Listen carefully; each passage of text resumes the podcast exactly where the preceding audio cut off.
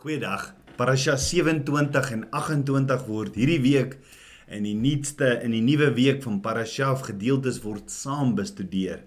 Ja, in Parasha 27 wat se naam is Tazria wat beteken swanger word en Parasha 28 Metzora wat beteken melaatse. So hierdie is die eerste gedeelte. Hierdie gedeelte vir hierdie week wat ons saam gaan bestudeer is in die Torah in Levitikus 12 vers 1 tot Levitikus 15 vers 33 in die Haftara 2 Konings 4 vers 42 tot 2 Konings 5 vers 19 as ook 2 Konings 7 vers 1 tot 20. Dan in die Bridesha, die Nuwe Testament gedeelte, Lukas 2 vers 21 tot 36, Matteus 9 vers 20 tot 26, Markus 5 vers 24 tot 34, Lukas 8 vers 42 tot 48 en Hebreërs 13 vers 4 as ook Romeine 6 vers 19 tot 23. Die naam van die 27ste lesing uit die Torah is Tazria wat beteken sy het swanger geword. Die naam is afgelei van die woorde van Levitikus 12 vers 2 waar Abba Vader vir Moses sê: "Spreek met die kinders van Israel en sê: As 'n vrou swanger word en as 'n seun baar, sal sy 7 dae lank onrein wees, soos in die dae van die onreinheid. As sy onwel is, sal sy onrein wees. So in Levitikus 12 bespreek die suiweringsinstruksies na bevalling. En in Levitikus 13 gee Abba Vader vir ons sy instruksies oor die oor die siekte melaatsheid.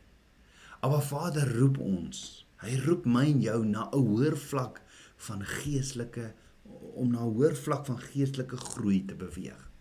So moenie te verbaas wees as jy in hierdie tyd met sekere dinge in jou lewe wat daar altyd da, wat daar was skielik gekonfronteer word nie. Hierdie gaan 'n tydperk wees waarin Abba Vader se teenwoordigheid jou lewe en jou persoonlikheid onder die soeklig van wie Abba Vader is gaan plaas. Dan die 28ste lesing wat saam ook hierdie week bestudeer word uit die Torah of Parasha is Metzora en 'n woord wat melaatsheid beteken. Die woord verskyn in Levitikus 14 vers 2 wat sê dit is die wet van die melaatse op die dag van sy reiniging. Hy moet na die priesters gebring word.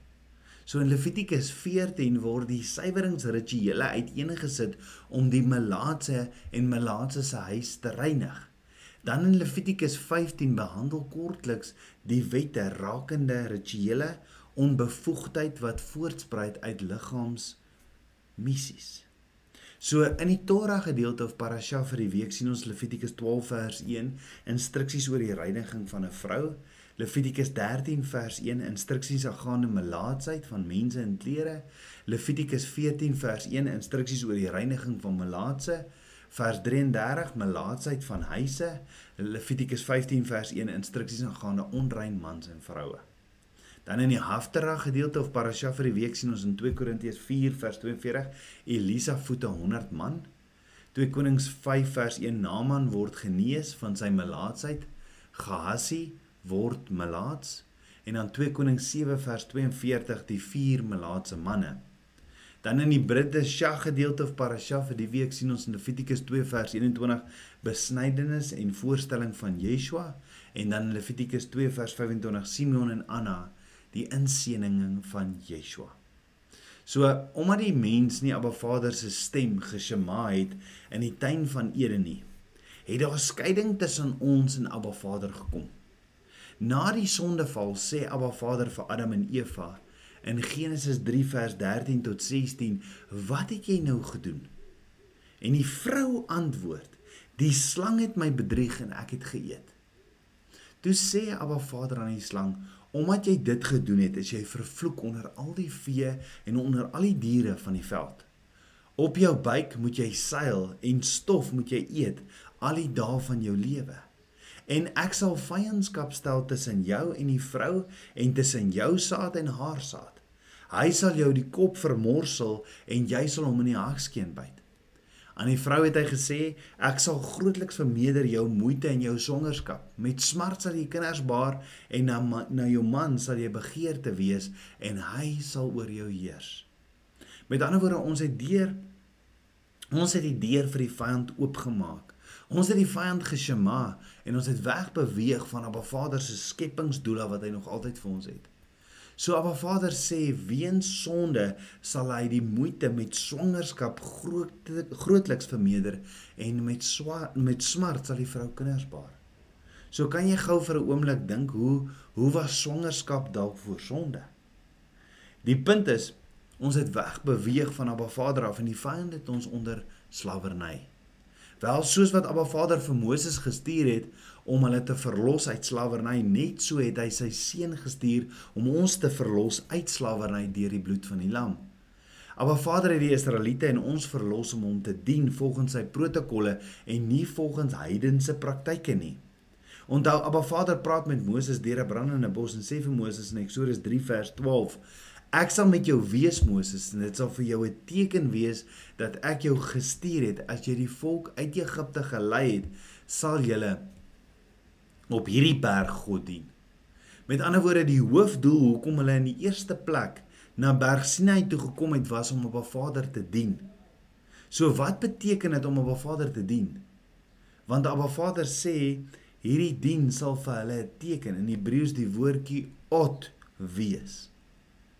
Die Hebreëse woord vir dien is abad wat beteken om op 'n praktiese basis met iets van iemand te kommunikeer of om 'n vrugbare toespan to, toestand te bewerkstellig. Hoor gou-gou weer. Om 'n vrugbare toestand te bewerkstellig. Klink soos om swanger te word, nê? Nee. Sommige vertaal abad as om iets voor te berei. Soos in die sin van 'n bakker wat deeg voorberei of bewerk. Met ander woorde, hy knie dit of hy werk dit. Nou twee keer kom die woord abad voor toe Abba Vader die skepping geskep het. In Genesis 2 vers 5 staan daar was daar nog geen struike in die veld op die aarde en geen plante van die veld het nog uitgesprei nie want die Here God het nog nie laat reën op die aarde nie en daar was geen mens om die grond te bewerk nie. Met ander woorde abad beteken ook om soos 'n tuinier die grond te bewerk. So dis om alles te doen om die produktiwiteit te bevorder.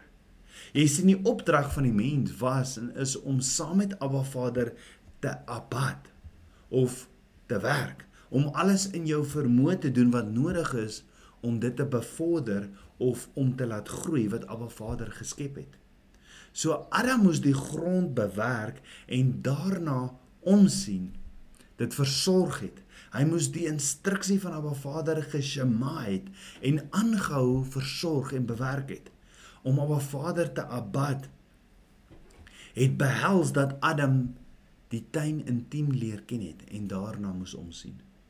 So in kort, abad beteken om die wese en potensiaal van Abba Vader te ken en te verstaan, om bereid te wees om saam met hom te werk soos en hoe dit nodig ag Abba om Abba Vader te nader wat volgens Eksodus 3 vers 12 is die doel hoekom hulle na die berg toe moes kom was om Abba Vader intiem te leer ken om sy wees, sy gedagtes en sy maniere te leer ken en te begryp om sy grootheid, sy krag en sy goedheid te ken en om bereid te wees om by hom aan te sluit in enige van sy prosesse van verlossing en van oordeel of van albei En die vraag is, sal ek en jy Abba Vader so dien? Sal ek en jy ons pottebakker kan sê, "Vorm my en vou my, hier is ek, Abba." Na verlossing, na die na eh, na verlossing deur die bloed van die lam, het Abba Vader het eh, het hulle Abba Vader gedien. Hulle het getransformeer. En so roep Abba ons om hom te dien en te transformeer. Abba Vader het egter sekere instruksies om hom te nader. Daarna het ons gekyk in Levitikus 1 tot 5. Hy roep ons. Abba Vader roep ons as 'n priesterlike bruid vir sy seun Yeshua wat op pad is om sy bruid te kom haal. Ons moet gereed maak want die uurglas loop uit en jy het nodig om genoeg olie te hê. Nou die Hebreëse woord tazra beteken om om 'n saad te ontkiem. So as 'n vrou swanger word, ontkiem die saad van die man binne haar liggaam en so het ons nodig om te ontkiem van Abba Vader se woord wat die saad is. Ja, Abba Vader roep ons tot radikale verandering om hom te dien, om hom te nader soos 'n vrou wat swanger word van die saad van 'n man, so moet ons verander volgens sy elke woord. So ons het gesien Abba Vader roep ons by die intree vlak om hom te nader met 'n toewydingsoffer. Dis hier waar ek alles van die eie ek en dit wat ek wil doen om om raak gesien te word deur mense neerlê en doodgaan aan hierdie eie ek. Enige neiging tot eie willigheid, eie belang, eie bepalinge, materialisme, selfverheffing en trots neer te lê om hom te dien, abad in totale oorgawe dan om ons aan hom te onderwerp waar niks belangriker is as hy nie waar hy ons bevry om krities, veroordelend en verdedigend te wees teenoor ons eie misdrywe, as ook om geen wrok of aanstoot in ons hart te hou teenoor ons medemens nie. En dit is hier waar ek hom dien en soek met totale oorgawe aan sy elke instruksie op alle aspekte van my lewe. Dis waar ek my sondes, my skuld en skaamte bely. Dit in die lig bring en hom nader deur die bloed van die lam. Dis hier waar ons trots in die sak steek en om uit die varkhokke op te staan en terug te loop na ons Vader toe wat met oop arms staan en wag vir ons. Dan leer Abba Vader ons verder om hom ook te nader in twee geestelike toestande van ons lewens en dit is eerstens die geestelike toestand van tahor. Dit is reinheid en tweedens tamai, dit is onreinheid. Tamai of onreinheid is plekke waar kompromie sluit met Abba Vader se woord, waar ek verontreinig en vuil word soos deur goed in my mond te sit wat wat 'n deur oopmaak vir die vyand wat steel, slag en verwoes. As gevolg van die onrein dinge wat ek toelaat, kom daar 'n skeer in my toewyding tot Abba Vader. Dis waar ek afgelei word deur wêreldse goed soos alkohol en dit wat ek eet soos Adam en Eva, waar ek Abba Vader dan nie meer shema nie, want die vyand wil skeiding bring tussen my en Abba Vader se verhouding te my of onreinheid is wat die vyand bring om my af te lei van Abba Vader se weë wat wat ongesond en vuil is vir die tempel van Abba Vader.